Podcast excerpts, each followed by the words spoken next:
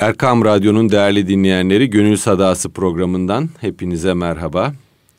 Bugün yine kıymetli hocam e, Saadettin Ökten ve ben Kemal Sayar e, biraz gönlümüze geldiğince çağrışımların estiği istikametten e, dilimiz döndüğünce e, gönlümüz el verdiğince sohbet etmeye devam edeceğiz. E, böyle bir uzun bir sohbet yapıyoruz değil mi hocam? Evet. Güzel oluyor. Bu bir akış efendim. Evet, yani ne söz gelirse. sözü açıyor. Evet. E, daha güzel oluyor. Zuhurata tabi oluyoruz. Eyvallah efendim. Aynen öyle. Hocam benim e, üzen şeylerden bir tanesi e, yaşadığımız şehirde giderek göğü göremez hale gelmemiz. Öyle devasa binalar yapılıyor ki bazı sokaklardan geçerken kafamızı kaldırdığımızda gökyüzünü göremiyoruz. Cenab-ı Hak onlar hiç gökyüzüne bakmazlar mı diyor. Bizden göğe bakmamızı istiyor. Evet. Fakat e, maalesef bu devasa binalaşma ile bu e, batı şehirlerinden kopyaladığımız işte o downtown anlayışla şehir içinin e, yüksek binalarla dolması anlayışıyla e, ne güneşi görebiliyoruz ne gökyüzünü görebiliyoruz. Üstelik bu uzun binalar e, kimi eleştirmenlere göre kuşların göç yollarını da bazıları e, engelliyor. Artık Evet. leylekler çarpıyorlar, ölüyorlar Evet. veya göç yollarını değiştirmek mecburiyetinde kalabiliyorlar. Evet. E, siz e, mimariyle, şehircilikle çok yakından alakalı bir isim olarak ne söylersiniz bu konuda? Bir dertleşelim istiyorum bu konuda biraz. Hay hay dertleşelim. Her zaman söylüyorum. e, Balta ağacı kesiyormuş. Geçen defa da belki söyledim. Ağaç diyor ki niye kesiyorsun? Balta diyor ki benim sana vurduğum sap diyor sendendir diyor. Şimdi biz böyle biz bir tarafımıza şikayet ediyoruz bir tarafımızda da bu işi istiyoruz beğeniyoruz seviyoruz. Ben şu soruyu soruyorum. Yapılan o gökdelenler boş kalıyor mu? Hayır kalmıyor. Yapılan o gökdelenler bir iş gücü yaratıyor mu? Bir tüketim yaratıyor. Ekonomik bir hasıla getiriyor. Dolayısıyla o fayda bir faydadır getiriyor. Ama yapılan bu gökdelenlerinde önce fiziksel hayatımıza ciddi bir mazarratı var. Sonra da ruhi manevi hayatımıza bir mazarratı var.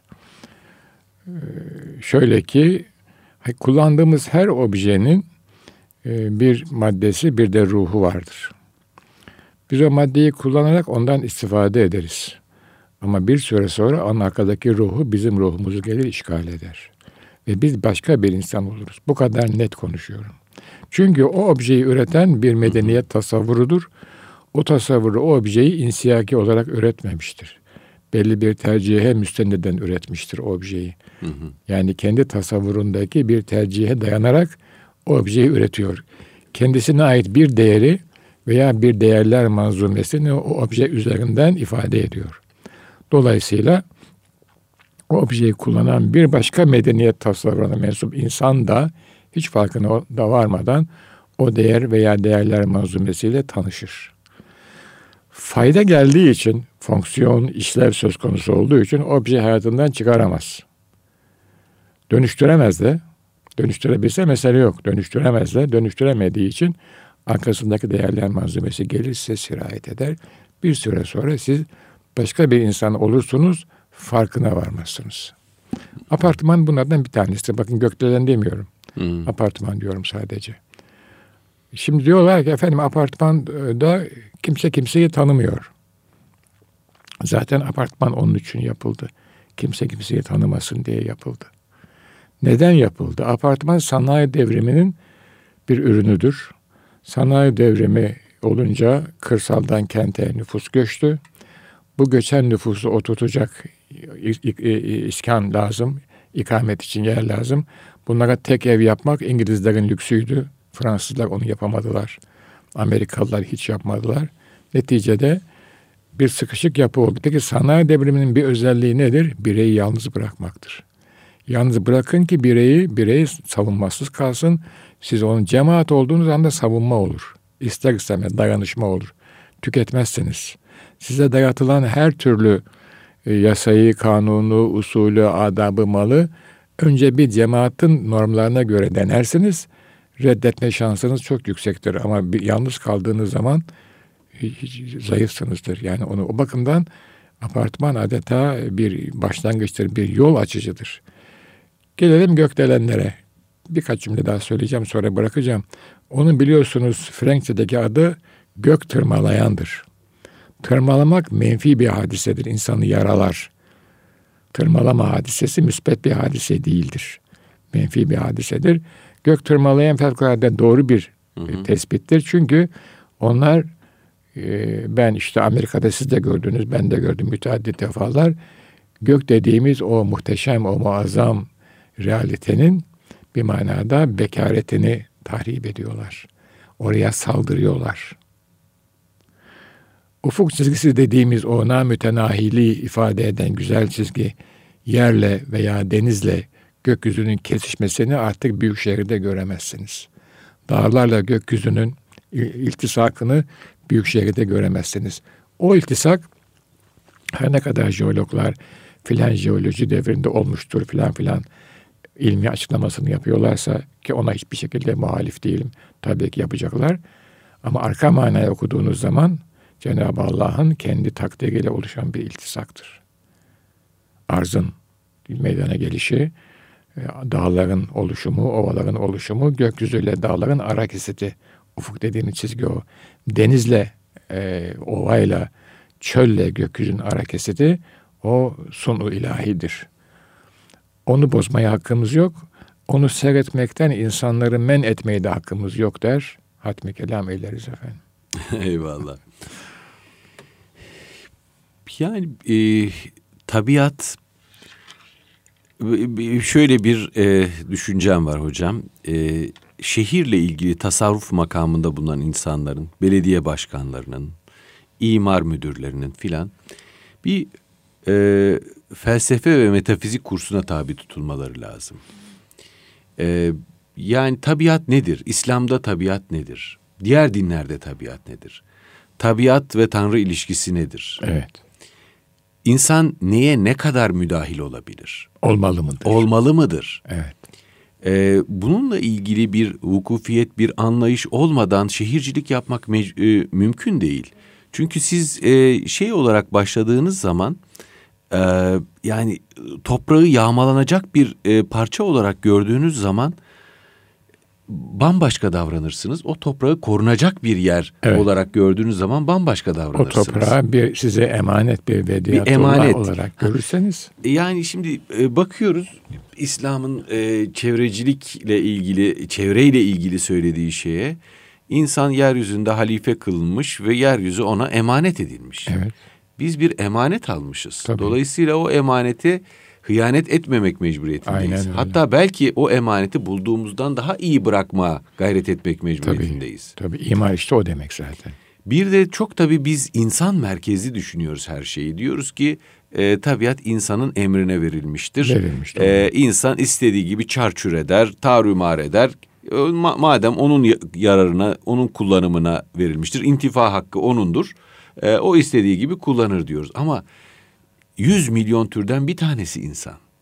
Ve Börtü böceğin hakkı var. Ve sorumlu olduğu bir makam da var. Tabii. Kuşun hakkı var. Tabii. Kuşun yaşadığı mekanı ben nasıl ele geçirebilirim? Ona hayatı nasıl dar edebilirim? Veya bir ormanı buldozerlerle girip nasıl oradaki börtü böceğin, e, vahşi hayvanların yaşama hakkını gasp edebilirim? Yani Cenab-ı Hak onları da bizi sevdiği gibi seviyor. Evet.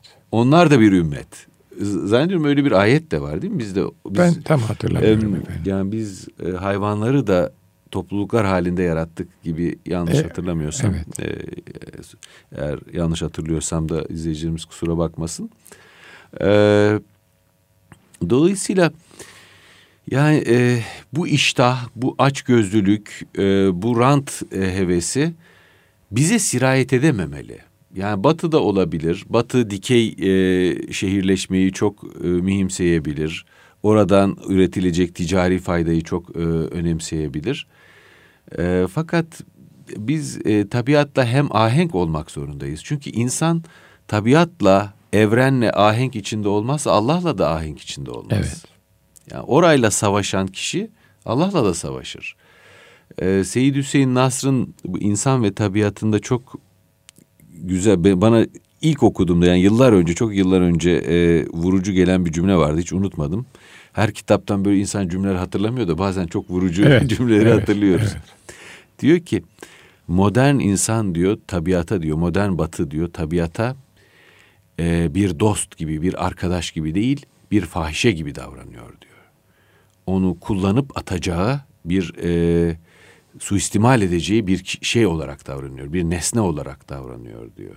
Onu el üstünde tutmuyor. Onu e, baş tacı etmiyor. Onu korumak zorunda kendisini hissetmiyor diyor. E, yani bu e, maalesef e, tabiatın ya, e, yaşadığı bu kriz e, insanın krizi haline de geliyor Tabii. hocam. Çünkü tabiata yeşile dokunduğumuz anda el hayyi hissediyoruz. Evet. El muhidi muhiti hissediyoruz. Her şeyi kuşatanı ve her şeyi diri olanı hayata nasıl e, anlam kattığını, hayata nasıl dirilik e, kattığını ve her şeyi nasıl kuşattığını, bir börtü böcekte bile nasıl kuşattığını görebiliyoruz. E, bir taşı elimize aldığımızda belki onun da kendine mahsus bir hayatı var. Şüphesiz var. Değil mi? Şüphesiz o da var. kendi dilinde Allah'ı zikrediyor, zikrediyor tesbih ve, ediyor. Ve sizin hizmetinizde o taş. Ve hizmetinizde evet. evet. Mesela en evet. en çarpıcı örneği Hı-hı. Kabe'dir. Evet. İlk ve çarpıcı örneği. Hı-hı. Kabe bir yapı. Hı-hı. Dikdörtgen bir yapı taşla yapılmış. Hı-hı. Hizmetinizde işte. Oradan siz meseleyi götürün ileriye kadar.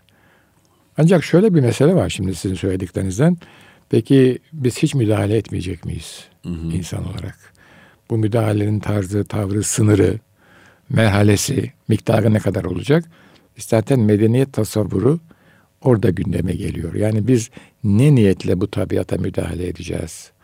Şimdi mesela güncel konulardan bir tanesi işte filan filan güç ormanları kesiyor, şuraya şunu yapıyor. Yapılmasın. Bu mu olacak tavrımız yok. Yapılsın ama şöyle şöyle böyle böyle yapılsın şeklinde mi olacak? Tabii. Bütün problem burada. Biraz evvel söylediğiniz yani Batı'nın yaptığı sıfır maliyetli arzdır. Sonra arzın maliyetin sıfır olmadığı anlaşılınca şimdi sürdürülebilir bir kalkınma modeli ortaya çıktı. Sustainable dedikler işte o. Ama bir Müslüman bu işe nasıl bakacak? Yani bu işin e, bir manada felsefesini nasıl yapacak? Yani maddeyle olan ilişkisini nasıl dengeye getirecek, dengeye tutacak? Maddeye dediğim işte arz bir madde esasında. Onu imar mı edecek, tahrip mi edecek? Her inşa imar değildir. Her inşa bir inşadır ama imar olmaz. İmar olması için sizin medeniyet tasavvurunuzun perspektifinden değerlendirilmesi lazım. Bir gökdelen bir Amerikalı için bir imardır. Onu medeniyet tasavvurundaki değerler sistemine vurduğunuz zaman o bir imardır. Ama bir Müslüman Türk için o bir imar değil bir tahriptir. Peki şart mıdır gökdelen yapmak? Hayır değildir. Çünkü gökdelen bir meydan okumadır. Tabii. Ama Rönesans'la başlayan e, modernite esasında her şey meydan okumadır. Hı. Arka plana baktığınız zaman. E, buna mümasil e, olayları büyütüp genişletebiliriz. Yani ben diyorum ki Türkiye şu anda ciddi manada bir teknik kadroya ve beceriye sahip. Hiçbir itirazım bu görülüyor. Hı hı. Finans imkanları da ciddi var. Hı hı. Ya bir de bunun ardında ciddi bir medeniyet tasavvuru, bilinç olsaydı yepyeni bir şehir ortaya koyardık. Hı hı. 21. yüzyılda İslam medeniyetinin e, uygulandığı yoruma açık bir şehir ortaya çıkardı. Bu maalesef çıkmıyor. İktidar var, imkan var, para var, teknik bilgi ve beceri var ama tasavvur olmadığı için ortaya fahiş bir yanlış çıkıyor yani. İnşallah bu yanlıştan önümüzdeki 10 yıllarda döneriz diye düşünüyorum. Yaptığım evet. konuşmalarda hep bu dönüşe ait. Peki bu dönüşün bedeli hiç önemli değil. Hı. Çünkü kimliğinizi kazanıyorsunuz ve dünyaya yeni bir yorum ortaya e, sunuyorsunuz, ortaya koyuyorsunuz. Hocam bu yüksek bina e, hadisesi bana hep Kitab-ı Mukaddes'teki e, Babil Kulesi metaforunu e, evet. hatırlatıyor. New York şehrini ilk gördüğüm zaman aklıma gelen de bu olmuştu. Oh, değil mi? Yani Babil'in kulelerini getirip bu asra e, dikmek gibi gelmişti bana. Çünkü New York'ta da hakikaten gökyüzünü şeyde Manhattan'da göremezsiniz. Göremezsiniz. Zaten ihtiyaç da yok gökyüzünü görmenize. Evet. Öyle bir dünya çiziyor ki adam size gökyüzü yok o dünyada. Tabii. Her şey yapay. Tabii. Her şey Amerikan, yapar. Amerikan kapitalizminin size sunduğu hayat biçimi. Hiç boş yoktur bir defa yani. Tabii. Her şey doludur, hiç boş yoktur. Ee, ölen ölünceye kadar. Amerika belki bir e, şey olarak medeniyet olarak bir simülasyon medeniyeti. Hakikat değil. Hep şey e, sahte. E, oluşturulmuş bir şey. Ülkesine bir defa girerseniz o kendi kendini üretir zaten yani. Tabii. Tabii. Ee, yani Babil e, hikayesinde işte insanlar Tanrı'ya Allah'a e, meydan okumak için e, işte hatırlatalım dinleyicilerimize Tabii, bir tabii. kule dikiyorlar. Diyorlar ki öyle bir kule dikeceğiz ki şanı e, her yerden duyulacak. E, öyle bir kule dikeceğiz ki e, Allah'la yarışacağız. Yani o kadar uzun bir kule. Diktikten sonra da e, Allah onların dillerini dolaştırıyor ve artık birbirinin lisanlarını anlamaz oluyorlar. Her biri bir lisan konuşuyor fakat e, karşısındaki onu anlamıyor. Bence bu muazzam bir metafor. Yani tabii e, kutsal kitaplardaki e, hikayeleri hep böyle daha derin anlamlarıyla, sembolizmleriyle düşünmek lazım. Tabii. Günümüzde de insan e, bir firavunlaşma temayülü E, Haman içinde. Firavun işte aynı şey. O da Musa'nın tanrısını göreyim şuna yüksek bir kule yap da diyor yani. Benim aklıma şu anda hemen Gagar, Yuri Gagarin geldi. İlk defa Meşhur sözü geldi. Evet yani. Hocam onu da lütfen. Estağfurullah lütfen. hatırladığım kadarıyla Evet. şöyle yani gökyüzüne çıktım ama e, Allah'ı gö- Tanrı'yı göremedim demişti Yuri Gagarin. E, o ilk defa e, insanlı uzay aracını uyduyu Ruslar attı. Tabii Amerikalılar ve Amerika'ya dayanan, güvenen dünya büyük bir sukut hayale uğradı. Düş kırıklığına uğradı. Morali bozuldu. Yuri Gagarin de döndükten sonra bir manada e, yani işte e, manevi değerlerle kendini var zanneden veya öyle var olan dünyaya karşı dedi ki gökyüzüne çıktım ama dedi orada Tanrı'yı göremedim dedi yani. Halbuki kendisine baksa hemen görecekti de işte kendine bakmadı yani. Kendisine hoşça baksaydı. Hoşça baksaydı evet, evet. Evet, onu göremedi efendim yani. O göstermez. Ya Settar ismini kendisine de kullanır. Ya Settar. Ya Settar'ı kendisine de kullanır yani. Yani kalplerdeki örtü kalkmadan Mümkün değil. Göstermez. Görülemez. Göstermez. tabii. Böyle bir resim efendim yani. Aslında e, tabii e, yeryüzü insana mescit kılınmıştır e, buyruluyor. Bu da bana çok e, böyle e, kuvvetli bir sembolizmi olan bir e, söz olarak ge- gelir. Çünkü yeryüzü mescit ise yeryüzü kutsaldır. Tabii. Yani Ve tahirdir. siz tahirdir. Ve Siz tahirdir. mescide çok özür dilerim tükerebilir misiniz? Tabii. Siz mescitte kötü bir iş yapabilir misiniz? Dolayısıyla yeryüzüne de aynı bir mescidin e, hürmetini göstermek mecburiyetindesiniz. Biraz evvel arz etmeye çalıştım. Yani jeologlar diyorlar ki şöyle oldu böyle oldu. Eyvallah biz ona itiraz etmeyiz. O ilim. Ama arka plana baktığınız zaman jeoloji dağıyla, ovasıyla, katmanlarıyla, yeraltıyla, e, termal sularıyla, cevherleriyle sunu ilahi. Dokunuyor, yapıyor. Kün feyekün. Ol ve oluyor. Bu bir anlayış. Bu bir inanç. Başka inançlar da var. Ama bu inanç da var. Bir Müslüman böyle anlıyor hadiseyi. İnsan dediğimiz mahluka diğer canlılarda olmayan bir yetki, bir yetenek verilmiş. Seçiyor, değiştiriyor ve terkip ediyor. Diğer canlılar seçip değiştirip terkip yapamıyorlar. Kendilerine verilen yetenek dairesinde arı bal yapıyor, kovan yapıyor o kadar. Onun dışına çıkmıyor. Çıkamaz. Evet. O onun yani e, bugün bal yapmayayım da başka bir şey yapayım. O, o, o kabiliyeti yok. İnek süt yapıyor. Ben bal yapayım bugün ama insan her şeyi yapabiliyor. Bir de şundan yemeyeyim bundan yiyeyim. Şunu alayım mesela yemek pişirmek ciddi bir terkiptir. yemek pişirmek ciddi bir terkiptir. Tuzundan, yağından, salçasından, etinden, sebzesinden tasavvur buyurun. Ateşinden müthiş bir terkiptir yani. Öyle çok sofistike terkiplere gitmeye gerek yok. Elbise dikmek müthiş bir terkiptir. İnsanda bu var. Bina yapmak da bir terkiptir. Tabiatta bulduğunuz malzemeyi alıyorsunuz, değiştiriyorsunuz, kireç taşını yakıyorsunuz, kireç oluyor. Balçığı pişiriyorsunuz, tuğla oluyor. Bakın en basitlerini söylüyorum. Ağacı alıyorsunuz, biçiyorsunuz, fırınlıyorsunuz, kuru ahşap oluyor ve sonra onunla bir terkip yapıyorsunuz. Bu terkibi yaparken Cenab-ı Allah'ın size verdiği yeteneği kullanıyorsunuz. Eyvallah. Ama mesuliyetiniz bütün arz size musahhar kılındı. Gökyüzü dahil. Hiçbir itirazımız olamaz. Hı. Ama siz kime karşı mesulsünüz? Cenab-ı Allah'a karşı mesulsünüz. Onun çizdiği sınırların dışına çıkmamanız lazım. Efendim bu noktada işte kitaplar bir şey söylemiyorlar. İlmihale bir de imar hukukunu eklemek gerekiyor.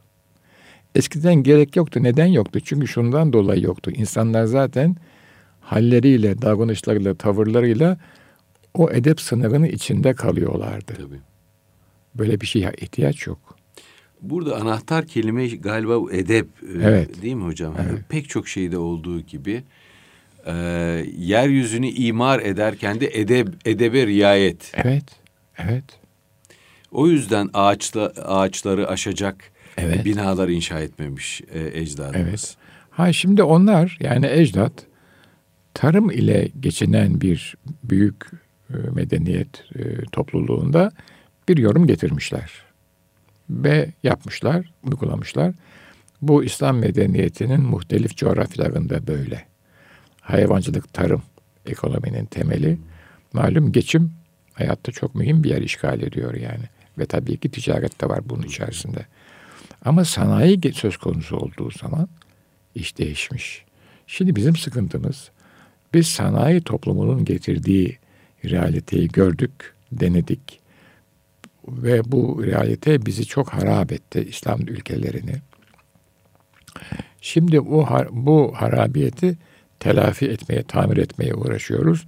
Bakıyoruz ki artık tarım toplumunun öngördüğü şehir ve meskenle yaşamamız mümkün değil. O bir fantazidir. Ne yapacağız? Nasıl çadırdan yerleşik mimariye geçen bir toplumlar grubu isek veya İran gibi kadim bir medeniyetten yeni bir medeniyete geçen bir grup isek yapacağımız şey İslami edep kriterlerine yeni bir yorum getirmek. Artan nüfusa göre, insanların ihtiyaçlarına göre ihtiyaçları belki yeniden tarif etmek ve ona göre şehirler. Ama bunu yapmak için de e, Nas'ın, cemaatin, cemiyetin belli bir tatlılığa, belli bir kıvama gelmesi lazım. Şu anda herkes saldırıyor. Biraz da ben sohbetin başında söylemeye çalıştım. Yani gökdeline teorik olarak herkes muhalif. Hı hı. Talep var, hı hı. arz var ve ekonomik bir fayda sağlıyor. Ama biz henüz daha gökdelenin bize önümüze koyacağı faturayı fark etmedik. Fatura önümüzde şu anda ama biz daha fark etmedik. Yavaş yavaş yakınıyoruz. Niye böyle olduk? Eskiden birbirimizi sever sayardık, tanırdık, tanımam ne filan. İşte fatura geliyor. Çocuklar hocam, niye böyleler? Hocam çok özür dilerim. Lafınızı balla keseyim. Ee, ben tabii bir ruh hekimiyim. Her e, cenahtan, her meşrepten insanları dinliyorum. Bana e, bu yeni kurulan Batı Ataşehir bölgesinde market işleten bir genç arkadaşımız gelmişti yıllar evvel. Dedi ki hocam dedi biliyor musunuz dedi o bölgede meskun insanlar dedi çok garipler dedi. Doğru dürüst selam vermezler dedi. Yüzümüze bakmazlar dedi. E, tebessüm etmezler. Kendi aralarında çok sert ve haşinler dedi. Buyurun. Yani müşteriler olarak. Buyurun. O bölgenin yani oraya sonra yerleşen, yerleştirilmiş olan insanlar da o binanın e, yarattığı psikolojiyle Tabii. ahlaklanıyor veya e, ruhlanıyor. Tabii. E, mahalle hayatında belki çok daha sıcak olan o ilişki Tabii. o büyük bloklar içinde e, şöyle e, görmeye başlıyor hayatı. E, komşum bana ne kötülük yapabilir bugün? Evet. E, bir e, Ya o da onunla nasıl yarışabilirim? O benimle nasıl yarışır? Ben onunla nasıl ben yarışırım? onunla nasıl yarışabilirim? Ben hangi otomobili kullanırsam insanlar üzerinde etki bırakırım. Ee, evime hangi e, işte cihazları alırsam karşımdaki insan üzerinde etki bırakırım. Bir e, Slovak e, düşünür var. Onun e, bir sözü var. Artık günümüzde diyor e, İncil'in e, komşunu kendin gibi sev düsturunun yerini şu almıştır. Komşundan kendin gibi kork. Artık komşumuzdan korktuğumuz, komşumuzdan emin olmadığımız veya onu kendimize bir rakip olarak Tabii. algıladığımız Öyle algılıyoruz. e, bir düzene geçiyoruz. Apartman da aslında böyle bir şey. Tabii. Apartman başlangıçtı. Evet. Bu şimdi e, hani artık ekstrem bir uca- Devasa konutlar devasa şimdi. Yeni yerleşim merkezleri daha önce yok. Kırlık arazi birdenbire çok büyük bloklar yapılıyor. İnsanların bir araya gelebileceği, yüz yüze geleceği, birbirinin yüzlerini Mümkün göreceği değil. mekanlar yok. Yok. Cami zaten hayatın içinde değil Tabii. maalesef. Çok Zaten üzücü bir şey oluyor. Yabancılaşma 40. tablosu. kattan camiye gitmek ayrı bir sıkıntı. Kapıdan girmek, çıkmak vesaire etmek. Halbuki e, düz ayak çıktığınız zaman on adam yürüyünce mescit başka bir şey yani.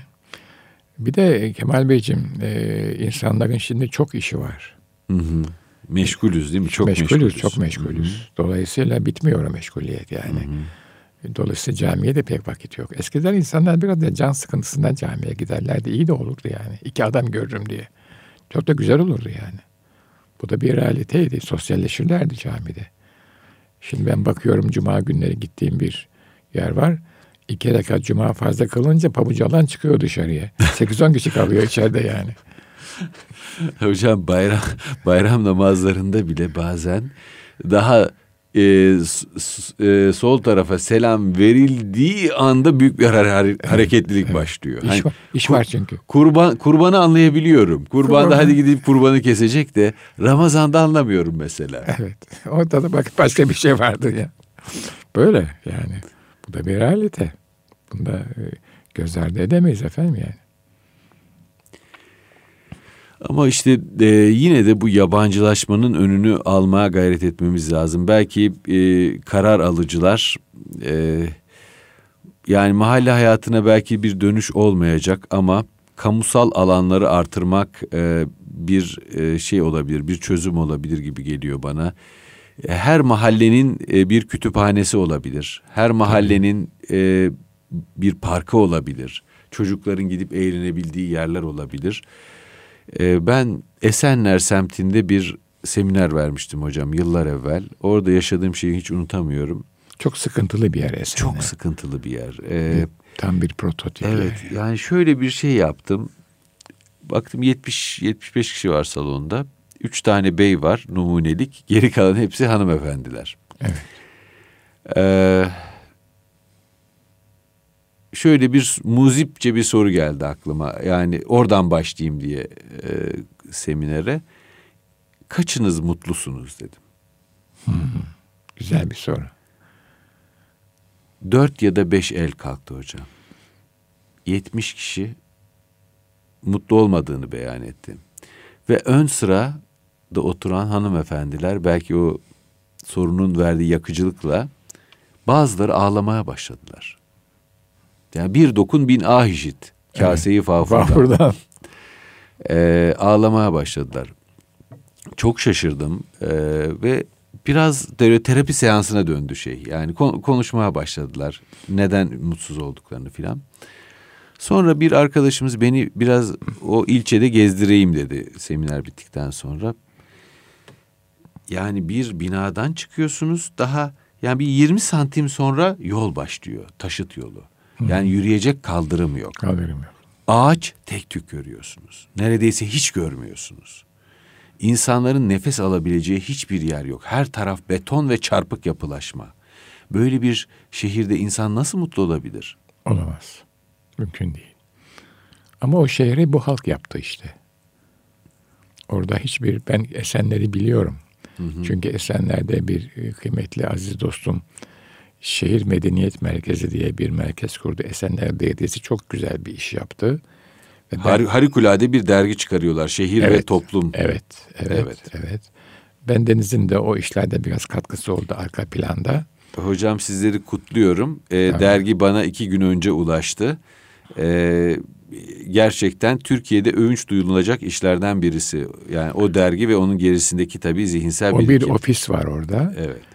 Bu işleri düşünüyorlar. Bir 7-8 sene oldu başlayalı filan.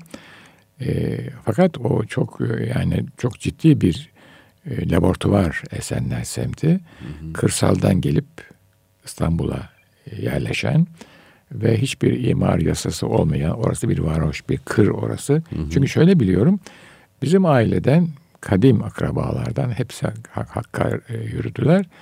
E, bir eniştemiz vardı. Bu eniştemiz adı Salih, kendi de Salih bir zat. Biraz izole yaşıyordu hayatı yani.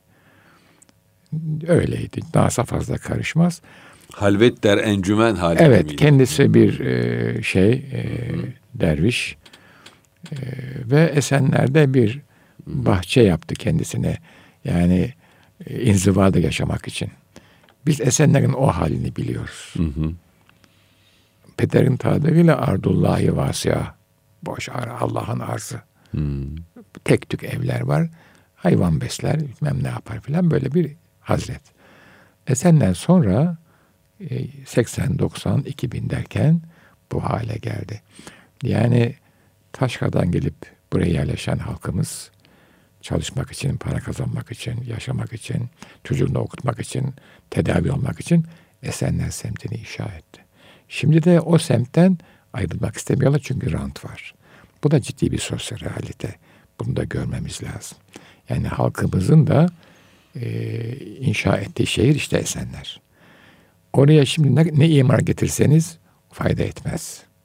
Çünkü İstanbul'un merkezi o tarafa doğru kayıyor. Kaydıkça rant artıyor. Rant arttıkça insanlar o şartları bırakıp gitmek istemiyorlar. Bir al, bir varsa beş almak istiyorlar. Bu da bir realite. Bizim hayatımızın realitesi. Yani bizim toplum olarak hı hı. belki çok zor ama yeniden bir ruhi istihaleye girmemiz lazım. Bunlar mütedeyyin insanlar. Sorduğunuz zaman, baktığınız zaman, konuştuğunuz zaman veya kendini mütedeyyin zanneden, öyle tanımlayan insanlar. Zahir tamam. Ama yaptıkları işin kendi bindikleri dalı kestim, kesmek olduğunu fark etmiyorlar. Ve orada ciddi bir deprem tehlikesi var. Hmm. Devlet oraya el attı. Ama insanlar o deprem tehlikesine rağmen kentsel dönüşümü rantsal dönüşüme dönüştürmek istiyorlar. İşin realitesi bu. Dolayısıyla o semtte mutlu olmak mümkün değil zaten. O fiziksel şartlarda. Çünkü fiziksel şartlar sizin ruhi şartlarınızı zorlar. Siz bunu çok daha iyi biliyorsunuz yani. Fiziksel şartlar sıkıştığı zaman ruhi şartlarınız zor, zor, zor, zorlanır. Yani ruhi dengeniz bozulur. En basiti bir odada üç kişi otururken duyduğunuz huzur başkadır. 13 kişi otururken duyduğunuz huzur başkadır. Huzursuzluk başkadır. 23 kişi koyarsanız rahatsız olursunuz. Esenler bunun gibi. Arzın da bir taşıma kapasitesi vardır arazinin. Bu taşıma kapasitesi önce fizikidir. Mesafe meselesi. Havadır, sudur, manzaradır. Sonra ruhidir. Çok yakına oturursanız insanlarla ruhi gerilim başlar. Ve biz bunun farkına varmazsınız.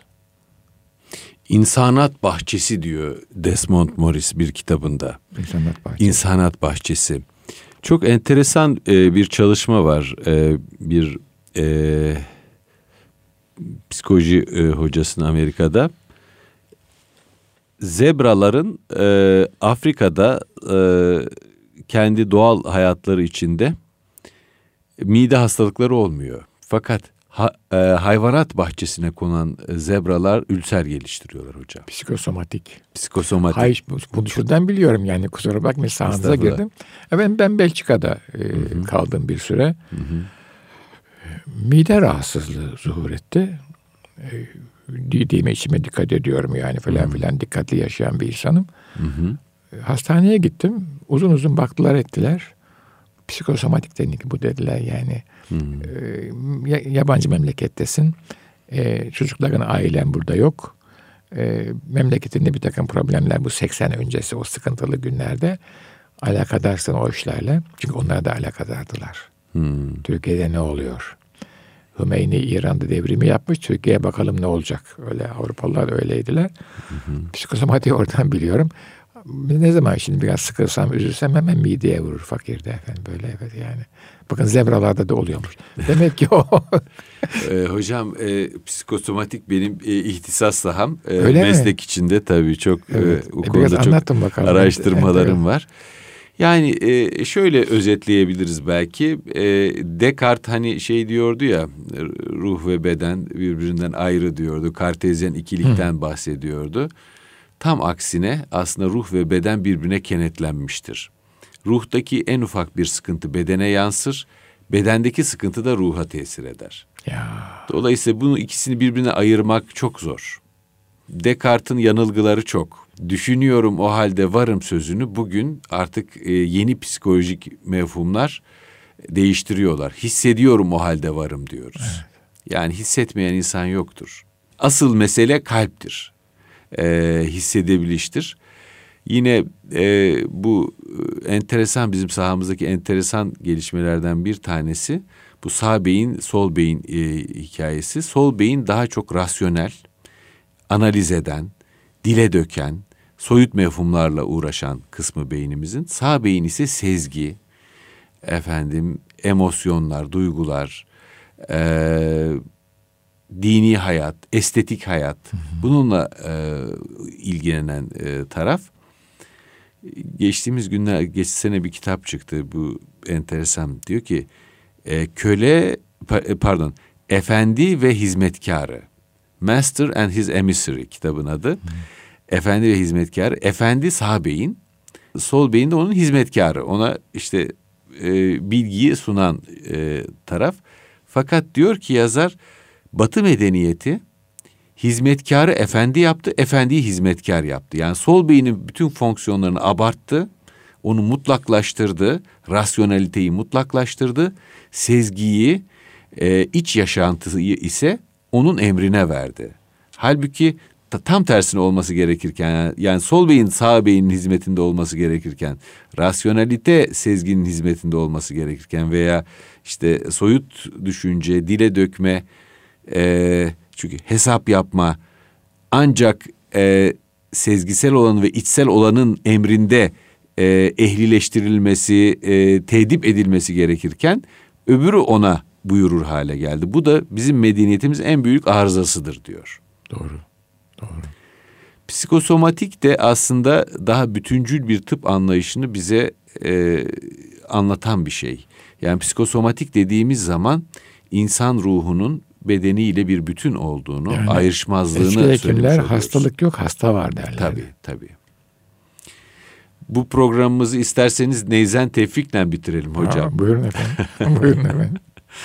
Bir hazakat zedeyim. Evet, buyurun. evet, evet. Bir hazakat zedeyim, midemi tıp tepti tıp benim. benim. Bin katır tepse incinmezdi bu nazik bedenim diyor. evet. Allah rahmet etsin. Neyzen Tevfik evet. de tabii e, çok derin bir insan. Evet. Çok evet. derin bir insan. Evet, evet. Evet teşekkür ederim hocam. Ee, bu programımızın ediyoruz. zamanını e, doldurduk. Ee, kıymetli dinleyenler e, Erkam Radyo'da Gönül Sadası programını dinlediniz. Sevgili hocam Saadettin Ökten ve ben Kemal Seyar hepinize e, hayırlı bir akşam diliyoruz.